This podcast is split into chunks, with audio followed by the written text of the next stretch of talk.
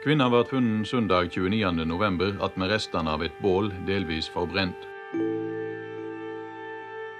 Det er funnet rester av bensin der, og hun hadde tatt en del tabletter. Men hvem var hun, hvor kom hun fra, hva skulle hun, og hva var det grunnen som hadde hendt? Da er det klart for episode to av Gåten i Isdalen. Mysteriet som særlig folk fra Bergen har grubla over i snart 50 år. Og Seinere i episoden skal vi møte noen av de som traff den ukjente kvinnen i 1970. Jeg skal ikke føle at du, jeg skal liksom litt ekkel, for jeg føler at du ser på meg. Kanskje jeg kommer til å drømme om henne i natt. Er jeg i redaksjonen der arbeidet med denne, uh, dette krimmysteriet foregår. Ståle og Eirin, hei. Hei. Hei. I, I forrige del av serien så hørte vi hvordan isdalskvinnens tenner, kjeve og annet biologisk materiale ganske overraskende dukket opp i kjellerdypet under Haukeland sykehus. Hva skjer med disse funnene nå? Nå blir de klargjort for det, det neste si, veldig spennende momentet, om vi klarer å finne DNA-profil i de gamle tennene og, og vevsmaterialet. Eh, og det er en undersøkelse som vi kommer til å gjøre kanskje i løpet av 14 dager, så det, det blir veldig spennende. Først hører vi en liten oppsummering som du har laget, Eirin. Det er et av de største mysteriene i Norge. I november 1970 var liket av ei sterkt forbrent kvinne funnet. Hun lå litt vekke fra stien, på en øde plass i Isdalen i Bergen. Det var det store spørsmålet. Hva har skjedd? Hva har skjedd?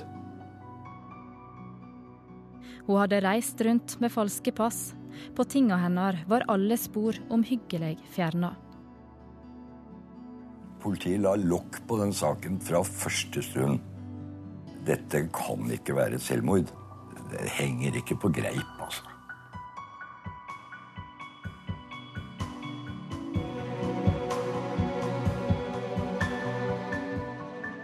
Sommeren 2016 skjedde det noe. Jeg har funnet noe. Det er en, en boks som står Isdalskvinnen. Den må vi bare åpne.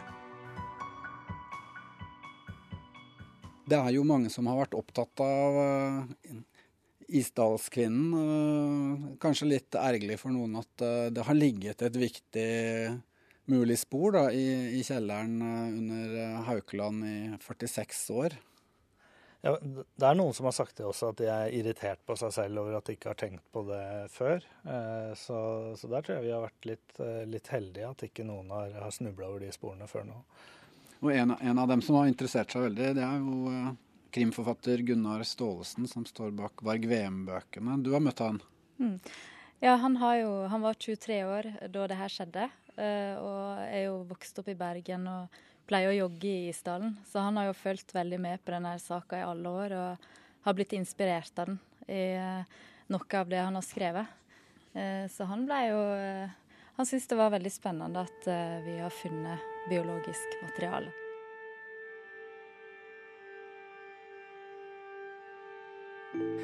Altså Det syns jeg jo var en veldig spennende nyhet å høre. For det er jo en av de tingene vi har manglet. Det er vel da biologiske spor. Nå er jo dette en 46 eh, år gammel sak. Så eh, i den grad det er mulig å sirkle inn noe, så vil jo mange av de aktuelle vitner jo være borte. Etterforskerne er stort sett borte. Så det er vel de tekniske og biologiske og eventuelt andre spor man finner, som kanskje i beste fall vil føre oss nærmere løsningen. Han pleier å ha svar på gåtene sine i bøkene sine, men denne eh, gåta her har han liksom aldri fått noe svar på, da. Så eh, ja, jeg tror han eh, gleder seg til å se hva vi finner ut. Nå er jeg jo fra Bergen, og jeg løper faktisk inn i isdalen minst to ganger i uken. Så dette er jo virkelig på hjemmebane for meg. Så den har jo fulgt meg gjennom hele livet.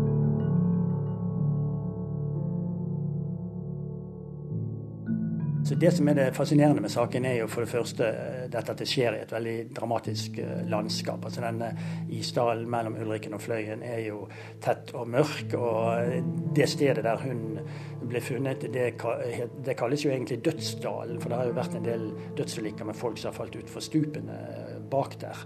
Eh, så det er en sånn element av uhygge innover i isdalen.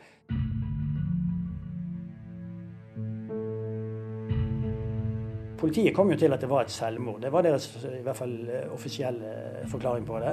Men jeg har jo alltid trodd at dette er noen andre som har tatt livet av henne av en eller annen grunn.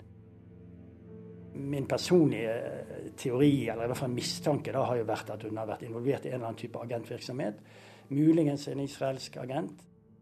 Jeg sammenligner det personlig med både attentatet mot Kennedy, som jeg ikke regner som uh, oppklart, og ikke minst drapet på Olof Palme. Uh, nå jo, var jo det storpolitiske saker. Dette er nok en sak med litt mindre format. Men til gjengjeld så foregikk den verken i Dallas eller i Stockholm, men i Bergen. Og hun er jo på mange måter en klassisk femme fatale, som vi krimforfattere elsker å skrive om. Etterforskningen i, i 1970 var vel naturligvis eh, mye knytta til å, å, finne ut hvem som hadde sett den, og om det var noe mer informasjon. Hvilke vitner fant man fram til? Eh, de brukte veldig mange som hadde jobba på hoteller som eh, de visste at Isdalskvinner hadde vært på. Eh, så det er liksom de sikreste vitnene, fordi at en visste at hun hadde vært der. Eh, men så kom det jo litt forskjellige andre altså vitner i skobutikker. Eh, noen meldte seg og mente at de hadde sett henne i Isdalen, eh, ute på gata. Eh, så det var litt forskjellig, men det er jo på en måte hotellvitnene som er eh, avhørt eh, flest av, fordi at de er sikrest. Du har snakket med Lillian og Alfhild som jobbet på Hotell Neptun i Bergen, så vi kan høre litt hva de sa. Det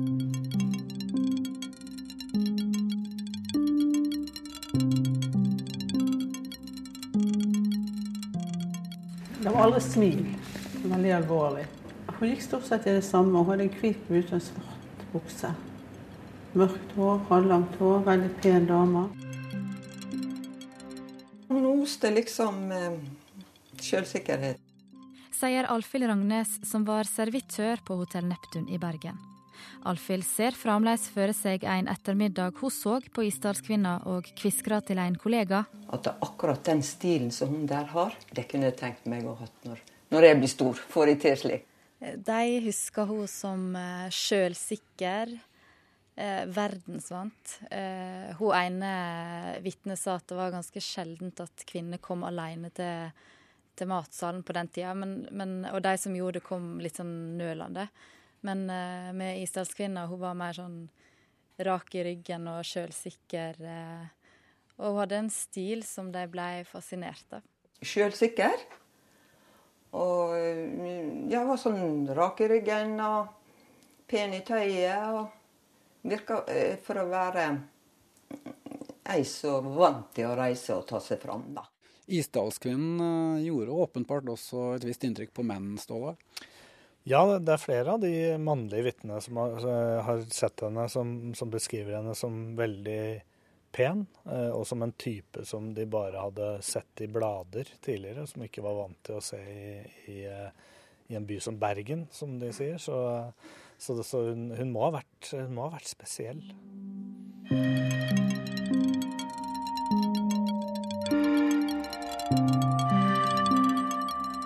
Frank Ove Sivertsen var pikkolo og prøvde å prate litt med Isdalskvinna i heisen da han skulle hjelpe henne med bagasjen. Hun var en veldig pen dame.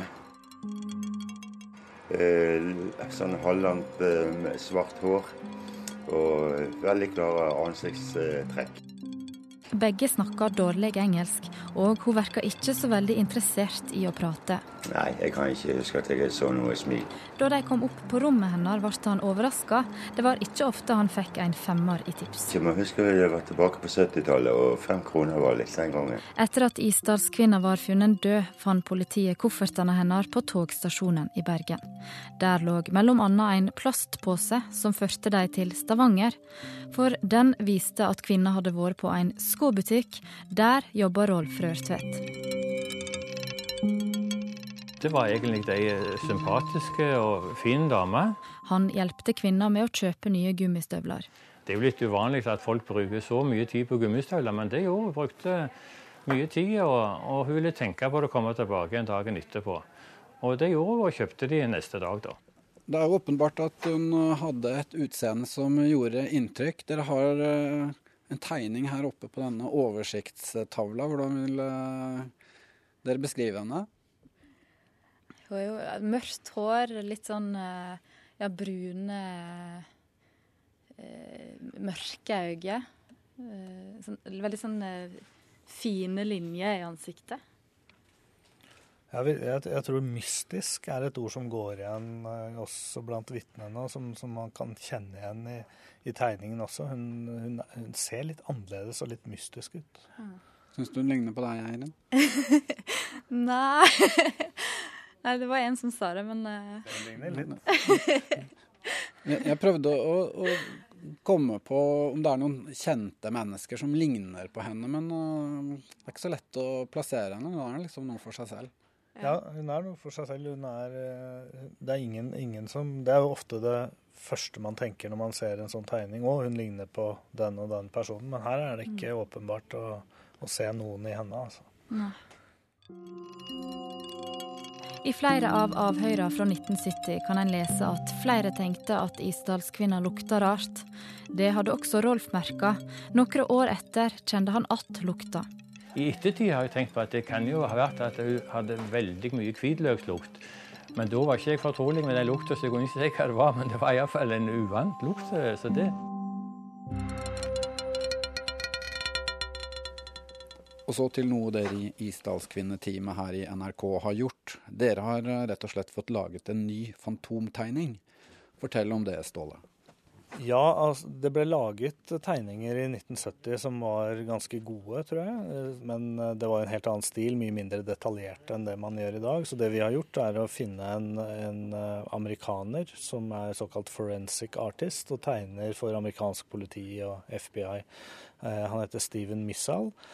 Eh, han fikk eh, bilder fra liket, og så fikk han eh, vitnebeskrivelser, men han fikk ikke lov å se tegningene fra 1970. Så han har tegna disse tegningene helt på egen, egen kjøl da, med det materialet han fikk.